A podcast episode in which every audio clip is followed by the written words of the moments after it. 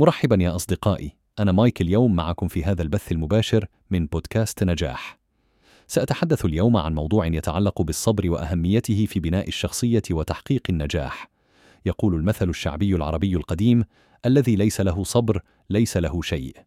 هو تذكير بأن الصبر هو من أهم الصفات التي يجب أن يمتلكها الشخص لتحقيق النجاح. من بداية الطريق حتى النهاية يعتبر الصبر سلاحا يساعد الشخص على الاستمرار. حتى في مواجهة التحديات والصعوبات. لنقم بتفسير هذا المثل بشكل أفضل. الإنسان بطبعه يريد دائما أن يحصل على ما يريد في الحال، وهذا هو سبب رغبتنا الدائمة في التسرع والعجلة. ولكن الواقع هو أن الأمور القيمة والمهمة في الحياة لا تأتي بسهولة ولا تأتي فورا. إن النجاح الحقيقي يحتاج إلى وقت وجهد وصبر. ثم يتيح لنا الصبر الفرصة للتعلم والتطور. تذكروا أن الفشل ليس نهاية العالم، بل هو فرصة للانطلاق من جديد، ولكن هذه المرة بأفضل طريقة.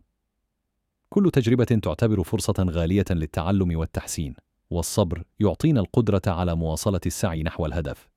وعلى الرغم من أن الصبر قد يكون في بعض الأحيان صعبا ومرهقا، فإنه في نهاية الأمر يبني الشخصية ويجلب النجاح.